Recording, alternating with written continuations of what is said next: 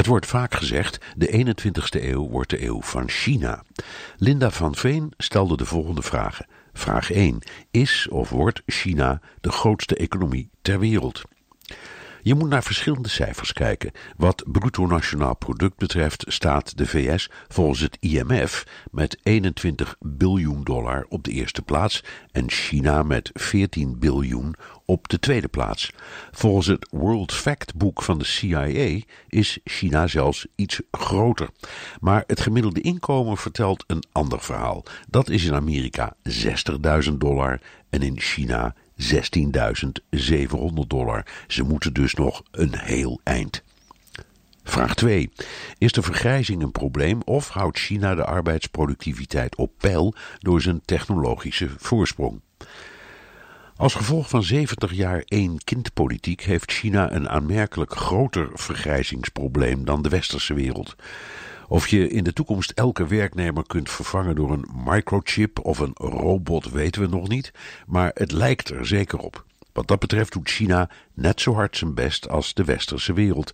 Ja, de Chinezen hebben enorme vorderingen gemaakt, maar tegen Silicon Valley kunnen ze nog niet op. Vraag 3. Zal de schuldenberg van China zorgen voor een rem op de economische groei? Ja, dat is echt wel een probleem. Nu geldt dat net zozeer voor het Westen en zeker voor Amerika. Het verschil zit erin dat de Chinese schulden meer bij burgers en bedrijven zitten.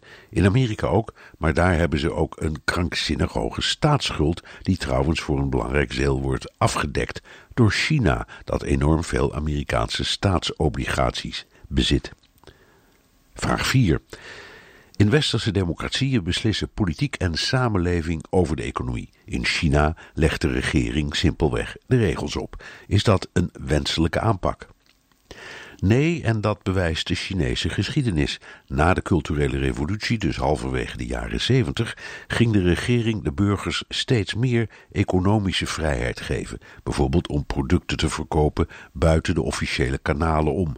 Zo ontstond binnen een communistische dictatuur toch iets van een vrije markt en dat heeft geleid tot het succes in de 21ste eeuw. Vraag 5. Wat kunnen we leren van China? Geduld. Daar zijn de Chinezen grandioos in. Wij denken, opgejaagd door elke vier jaar verkiezingen, in snelle, tastbare resultaten op korte termijn. Wat kost het? Wat levert het op? Een Chinees die in 4000 jaar nog nooit een dag vrijheid heeft gekend, denkt: wat betekent dit voor mijn achterkleinkinderen?